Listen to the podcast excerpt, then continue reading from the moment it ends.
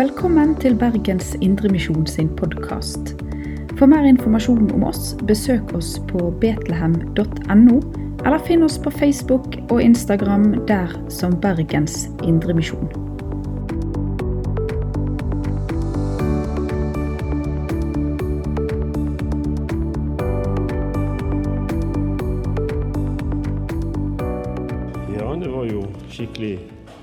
Festlig dette her å være i Betlehem med striler fra Askøy. Hvor, gode dere er! Jeg syns det der bandet må få seg en klapp. Det var jo skikkelig Jeg tror det, altså I tillegg til at de er musikalske, så tror jeg de hadde øvd. Og det pleier å hjelpe. Ikke sant? Det er så bra. Um, nå, nå, nå er vi nesten møtet ferdig. nå. Vi har jo vært her en time og alt. Så av og til når møtet varer lenge og jeg skal frem og tale, så er jeg av og til frista til å bare gå opp og lyse velsignelsen. Men det skal jeg ikke gjøre her i dag. Jeg skal prøve å dele noe av det jeg har på hjertet, og noe av det jeg har på hjertet i dag, det har levd i meg i en 14 dagers tid, og det er ikke dagens tekst etter Kongen i statsråd, som det heter før i tiden. Det er dagens tekst gitt meg av Gud den hellige ånd. Og Så prøver jeg å dele litt eh, av det som eh, Herren har minnet meg om rundt dette bibelavsnittet, som du finner i avslutningen av kapittel 4 i Hebreerbrevet. Hebreerbrevet syns jeg alltid har vært et spennende skrift i Bibelen. Og Der, der liker jeg meg. Og det er så utrolig bra å se det som står der, og lese det og se den sammenhengen det gir for tru og tanke. Når vi da har en så stor øverste prest som har gått gjennom himlene, Jesus, Guds sønn, så la oss holde fast på bekjennelsen. For vi har ikke en øverste prest som ikke kan ha medlidenhet med våre skrøpeligheter, men en som i alle ting er blitt prøvd slik som vi, men uten synd. La oss derfor komme frem til nådens trone med frimodighet, for at vi kan få miskunn og finne nåde til hjelp i den tid vi trenger det. Det uttrykket og det ordet som har huka seg fast i sinnet mitt og i tanken min de siste dagene, det er begrepet 'bekjennelsen'. Å bekjenne. På nynorsk å sanna. Så la oss holde fast på bekjennelsen. I tidligere tider så brukte vi ulike uttrykk på dette å være en troende. Vi snakket om at han var blitt en personlig kristen. Husker dere det, dere som har levd en stund? Vi bruker jo ikke det uttrykket lenger stort. Blitt en personlig kristen. Fikk et personlig forhold til Jesus. Fikk et personlig forhold til gudstru og Bibel osv. Personlig kristen. Det ble òg brukt ja, nå har han blitt en bekjennende kristen. Og hvordan hadde vedkommende gjerne vist det? Jo, vedkommende hadde gjerne vist det ved at han eller hun plutselig begynte å oppsøke en kristen forsamling. I noen sammenhenger så var det også slik at jeg så han der Hansen i går. Han gikk til nadvær. Det var ofte før i tida et sånt vitnesbyrd om at nå, nå, hadde det skjedd noe i Hansen sitt liv. Nå, nå, ville han ta Jesus, Gud, Bibelen og tro og evangeliet på alvor. Og han viste det ved at han deltok i nadværen. Husker dere det fortsatt, dere som har levd en stund? Ja, Njål han, han humra litt, i hvert fall. Så han husker i hvert fall at det ordet ble brukt. Det ble også sagt at han var blitt en troende. Blitt frelst. Blitt omvendt. Oppe i Finnmark, der jeg levde i mange år, eh, i hvert fall noen år, og litt kjennskap, fikk litt kjennskap til læstadianerne, de brukte et uttrykk at nå var han og den og den begynt å bekjenne troen. Det var et sånt nordnorsk, læstadiansk uttrykk. Han var begynt å bekjenne troen. Ja. Og I det kunne det òg ligge at det var en person som gjerne over tid anonymt, diskré ikke hadde vært en motstander av Guds ord, evangeliet, men han hadde liksom ikke stått offentlig frem og, og, og sagt 'Jeg vil nå gå for det jeg innerst, innerst i mitt hjerte tror på'. Og så sa de nå var han begynt å bekjenne troen. I grunnen et veldig flott eh, uttrykk, syns jeg. Vi mennesker vi taler med minst to språk. Munnens språk, hjertets språk, og jeg føyer til òg kroppsspråk. Når jeg så eh, to av dere askestriler gikk nede, så så jeg med en gang hvem som var faren deres. Det var gjerne litt dumt sagt her nå. Altså, Møtet blir ikke streama likevel, så det var en fordel for meg som plutselig får sånne innfall når jeg står på talerstolen. Jeg så dere på kroppsspråket, hvem dere tilhørte. Ganske stilig, hæ? Men det har jo litt med at jeg kjenner, jeg kjenner deres opphav vet du, sant? og vet hvordan de har vært helt ifra de var ganske, ganske små. Ved å bekjenne viser vi for Gud og mennesket, og jeg føyer òg til maktene i himmelrommet, hvem vi tilhører. Og når et menneske bekjenner kommer til tru på Gud, kommer til tru på Guds ord, evangeliet. Så det er glede i himmelen, og så skjelver de vonde makter i himmelrommet. Og tenker nå kommer vi i trøbbel igjen. Nå kommer vi i trøbbel igjen. Nå er det enda en som, som vil være med og sette kjepper i hjulene for vårt prosjekt, nemlig å hindre at mennesket skal komme til tro. anonyme kristne. Eller å være en anonym kristen, det er ikke bibelsk. Det har jeg lyst til å si her i dag. Det er noen som elsker dette her uttrykket 'om nødvendig bruk ord'. Fy av meg. Det er klart vi må bruke ord. Det er klart at vi må bruke ord når vi skal eh, bekjenne og vise hvem vi tror på, hvem vi tilhører. Er ikke du enig? Innimellom må vi bruke ord. Det kan hende at vi ikke alltid skal bruke så mange ord. Og det er mange måter å bruke ord på, og det er mange måter å bruke ord på i det å bekjenne at du en Jesus-troende og en Jesus-etterfølger. Du har sikkert hørt denne historien om han som begynte i en ny jobb, og han bestemte seg for at ikke, det var ikke det første han skulle gjøre, å stå frem og bekjenne at han var en kristen. Så han, så han prøvde å, å, å leve så etter klokka. Han hadde ikke lengre pauser enn han skulle. Han brukte ikke mobilen i arbeidstiden. Han var så ordentlig, han var så skikkelig at de andre kollegaene begynte å reagere på hele fyren. For han var så annerledes. Plutselig en dag, etter to år, så kommer en bort og Vi har lurt på hvem du er, og hva du egentlig står for. Du skulle vel ikke være vegetarianer? Ja. Det er i grunnen et snodig eksempel. Vi sang her i dag, og det er en, bra, bra, sang. Og jeg tenkte når han er Marius sto her, Tenk om jeg kunne hatt den samme bevegeligheten som han. Det har jeg sikkert en gang hatt. Jesus spør om du er tøff nok til å vise og bekjenne. Og jeg tror det er en viktig sak. Heise rent flagg jeg vet ikke om noen av dere har vært i militæret. Jeg har ikke vært i militæret. Jeg har vært sivilarbeider. Jeg har vært militærnekter. Jeg måtte være sivilarbeider i 16 måneder i Indremisjonen, dere. Det var fantastisk. Men du som var i militæret, husker du når du kom inn på dette timannsrommet? Og du kom inn der, og du var en kristen.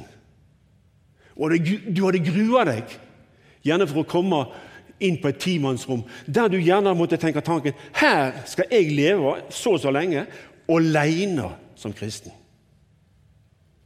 Du hadde lurt med deg Bibelen, og du brukte mye energi på å vise at du var en som leste Bibelen. Jeg har hørt flere historier på det. Noen la den under puten. Noen la den oppå puten. Noen snudde seg mot veggen om kvelden og leste i han.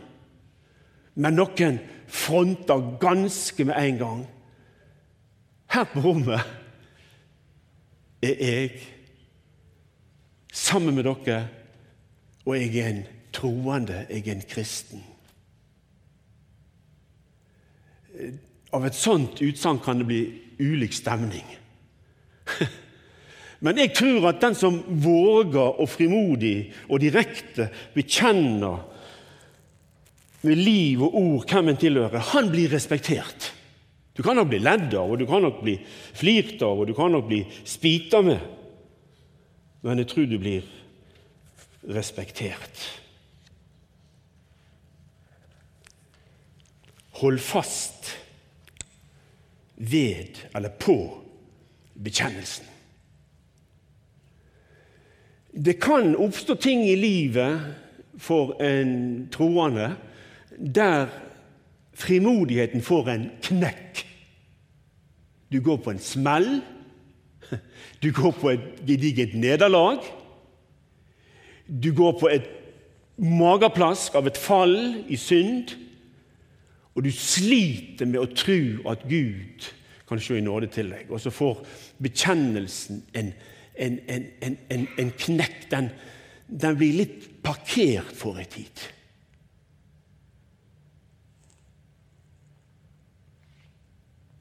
Da er det godt å tro på en barmhjertig Gud som lar deg og meg av og til få en sånn liten parentes i livet. Der vi må kjempe litt. Arbeide litt på vår tro. For igjen gjenopprette troa på Guds grenseløse nåde og barmhjertighet og tilgivelse bekjennelsen. I den første kristne tid Vi har et dåp her i dag, og det er fantastisk flott. I den første kristne tid så var dåp et av de viktigste bekjennelsesfaktorene. Når noen tok dåp, ble døpt, det var en radikal sak i den første kristne tid. Og det er fortsatt en radikal sak rundt omkring i verden. Spesielt i, i, i verdensdeler der islam og alle slags isma står utrolig sterkt i kulturen. Der er det kjempetøft å gå for dåp. Og på den måten bekjenne et brudd med den allmenne nasjonale oppfatningen av liv og lære. Og det å bekjenne frelsesnavnet Jesus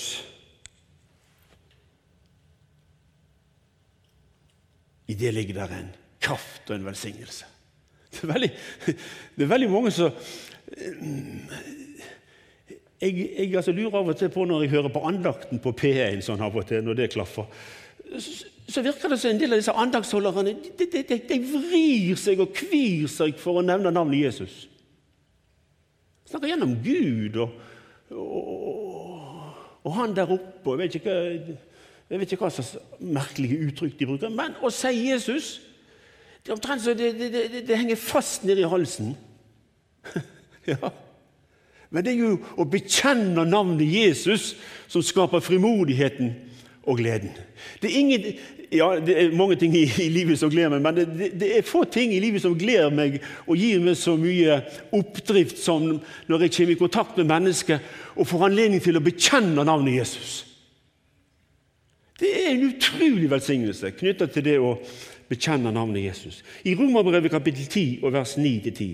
For dersom du bekjenner Herren Jesus med din munn og tror i ditt hjerte at Gud har oppreist ham fra de døde, skal du bli frelst. For med hjertet tror en til rettferdighet, og med munnen bekjenner en til frelse. Du vet, Peter og gjengen, når det virkelig bobla hos deg, så måtte de bare si For vi kan ikke la være å tale om det vi har sett og hørt. Det bare måtte ut. Det bobla over. Jeg syns Jesus er til tider veldig radikal og han er veldig utfordrende. Når han f.eks. i Matteus 10, vers 32 sier det på denne måten. Derfor, den som bekjenner meg for mennesker, han skal også jeg bekjenne for min far som er i himmelen. Men den som fornekter meg for mennesker, han skal også jeg fornekte for min far som er i himmelen. Det er ganske radikalt. Ja, det er veldig radikalt. Og dette her, Kan ikke vi bare kimse av og, og si at dette var, dette litt for tøft, dette bryr vi oss ikke om? Men, sånn, men sånn, sånn, tenker Bibelen, og sånn tenker Jesus om dette som går på bekjennelse. Hvis jeg skulle i dag ha dratt litt av min troshistorie Det er til fint å høre mennesker legge ut om sin troshistorie. Ikke bare en bit, men liksom Jeg gikk på, en, eh, jeg gikk på et, et, et, eh, kurs her for noen år siden. Det heter ABV. Og I det ABV-opplegget så skulle vi eh, i en time gi de som vi var sammen med, vår troshistorie, vår trosvandring. Det, det ble en ganske svær sak. Midt i, midt i hele greia begynte jeg å grine. over, over situasjoner og mennesker som i mitt liv hadde bidratt til min troshistorie. Jeg begynte å grine fordi at i min troshistorie så måtte jeg òg fortelle om alle de gangene jeg har hatt mine mageplask, og mine fall og mine oppreisninger ved Guds nåde. Og det ble en sånn berg-og-dal-bane. Det var ikke en sånn rett strek bortover. Nei, det gikk sånn, og det gikk sånn. Det er en troshistorie jeg har lyst til å dra litt her i dag, og det er Peters sin troshistorie.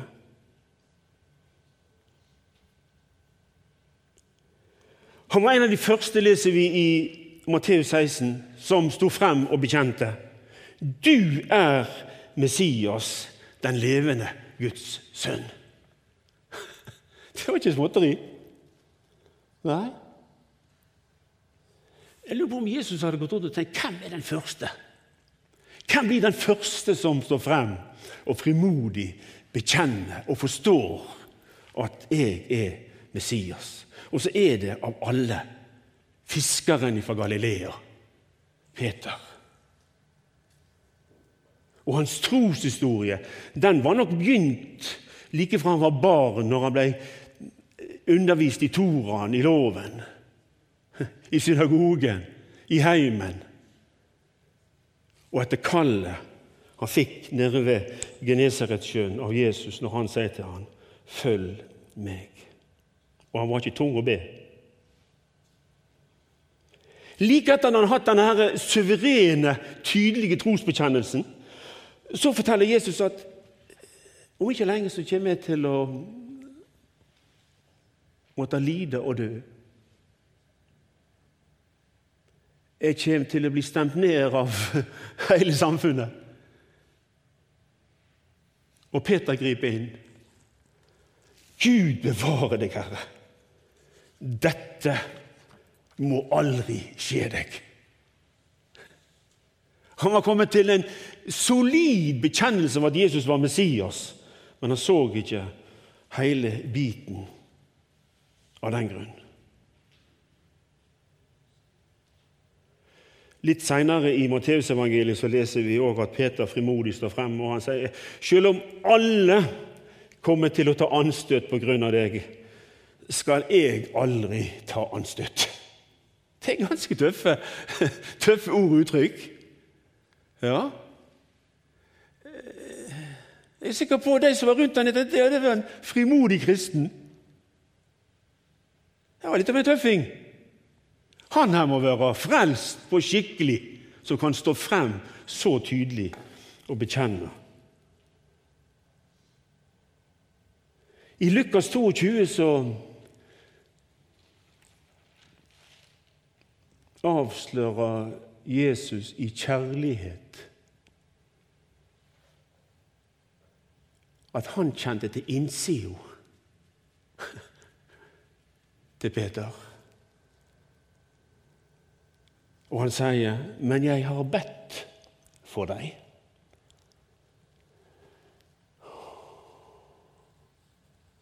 Det var en som visste at her er en som trenger forbønn.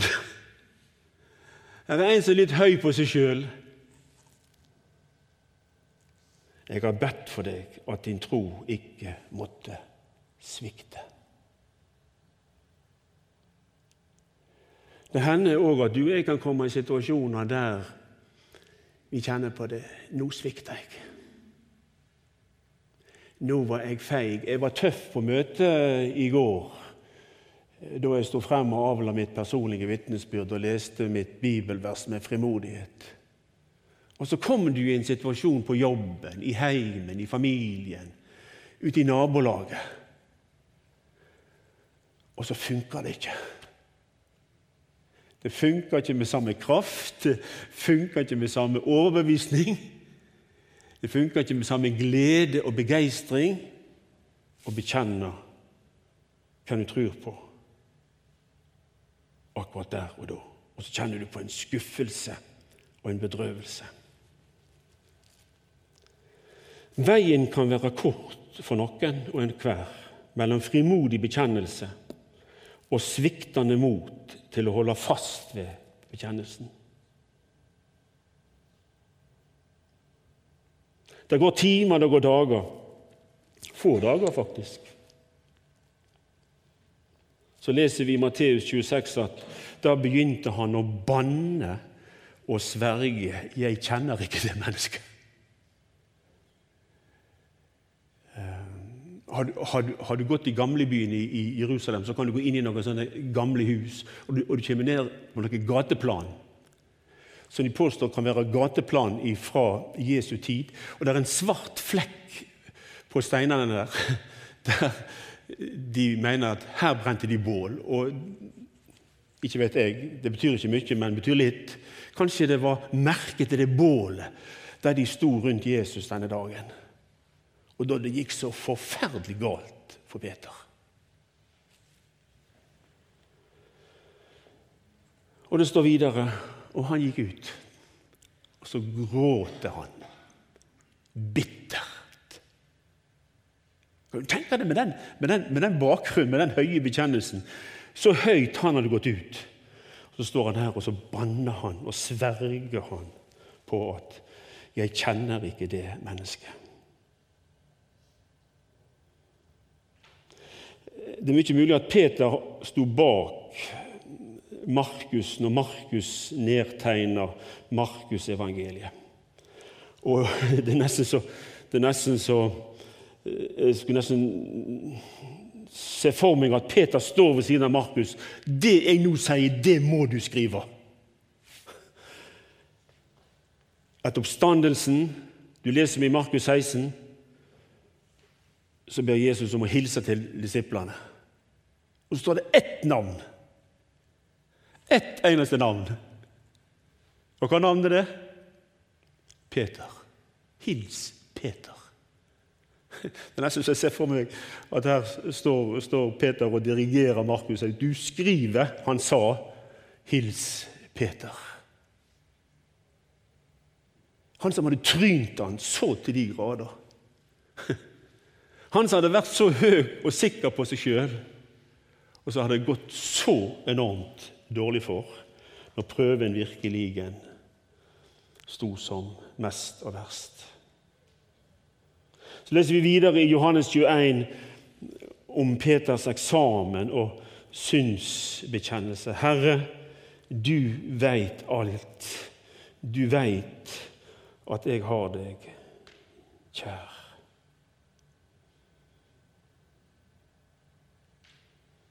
Har du tenkt på tidslinja i dette vi nå har referert litt til? Det er ikke pinsedag. 50 dager etter oppstandelsen. Så uh, hadde det gått ti dager fra Jesu himmelfart. Og ca. 53 dager Det er ikke to måneder, folkens. 53 dager ifra det enorme mageplasket og ifra den nedturen så står Peter frem og preiker som ingen annen. Les apostelens gjerninger. Det, det er i grunn her at du har lest apostelens gjerninger flere ganger denne sommeren. Det er i grunn her min tanke rundt dette med å bekjenne og bekjennelsen og Peter egentlig har dukket opp. Etter 53 dager Han hadde stått og banna på at han kjente Jesus, og han sverga 'Jeg kjenner ikke Jesus'. Og så har han 53 dager etterpå å holde den preika så hele Jerusalem skjelver. Og her er mange ting å tenke på. Jeg tenker, Praktiserte de evangeliet litt rausere på denne tida enn vi gjør i dag?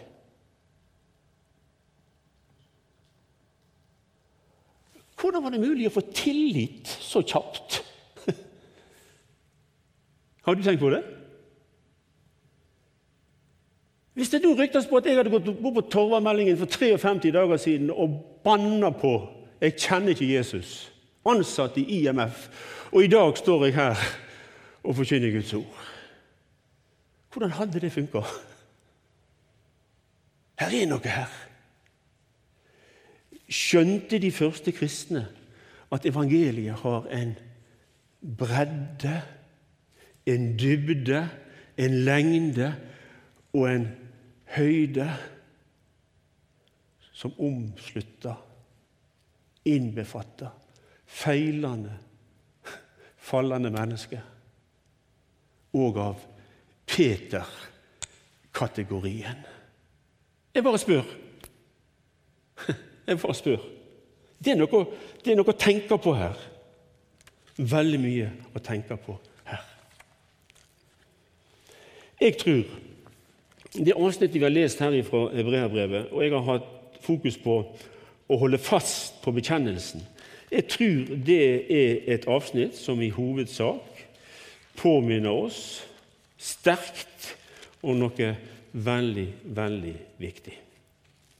Nemlig å holde fast ved og på synsbekjennelsen.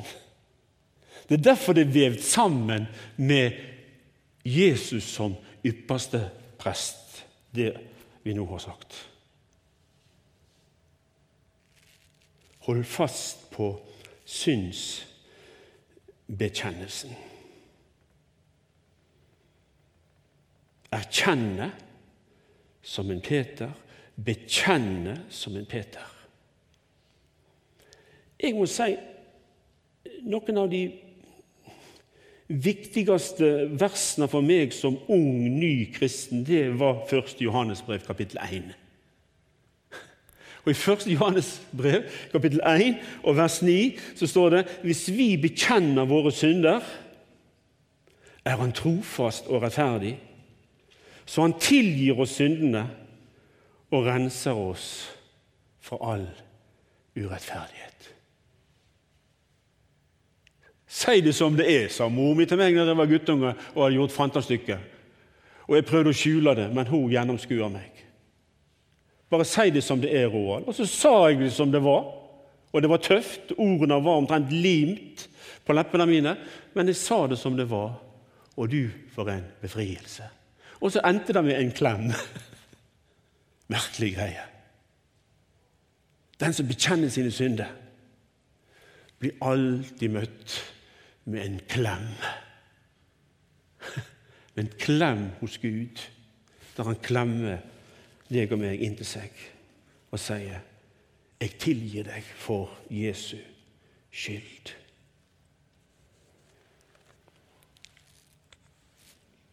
Helt til slutt skal jeg be ei bønn. Jeg syns det er veldig fint ofte å be med bønner som du finner i, eh, i, eh, i Bibelen. Og Paulus sine bønner synes jeg er, er, er, veldig fine å be. Og Nå skal jeg be de siste ordene i kapittel 3 i Efeserbrevet. Av denne grunn bøyer jeg mine knær for vår Herre Jesu Kristi Far. Han som ethvert farsforhold i himmelen og på jorden har fått sitt navn fra. Og jeg ber om at Han vil gi dere å bli styrket med kraft ved sin ånd i det indre mennesket etter Hans herlighets store rikdom. Det vil si at Kristus får bo i hjertene deres ved troen. Idet dere er rotfestet og grunnfestet i kjærlighet, for at dere skal være i stand til å fatte, sammen med alle de hellige, hvor stor bredden og lengden og dybden og høyden er, og å kjenne Kristi kjærlighet, som overgår all kunnskap, for at dere kan bli fylt til hele Guds fylde. La oss holde fast ved bekjennelsen. Amen. Gode Far, takk fordi at du har eh, gode tanker for oss. Du har nådige tanker for oss, barmhjertige tanker for oss, kjærlige tanker for oss. Du vil eie oss, og du vil ha oss. Og du vil òg ha oss som dine ambassadører her i denne verden, der vi frimodig proklamerer navnet Jesus. Der vi frimodig proklamerer hvem vi tror på og tilhører. Så veit du bedre enn noen annen at av og til så går dette skeis for oss. Vi svikter grovt. Og vi svikter ofte uten å være klar over at vi svikter. Vi ber om at du fyller oss med din ånd, slik du fylte Peter med din ånd, og gjør oss til frimodige Jesus-bekjennere. Frimodige hverdagsbekjennere der vi lever, der vi bor, der vi går. Det ber vi om i Jesu navn. Amen. Du har lytta til Bergens Indremisjon sin podkast. For mer informasjon om oss, besøk oss på betlehem.no eller finn oss på Facebook og Instagram der som Bergens Indremisjon.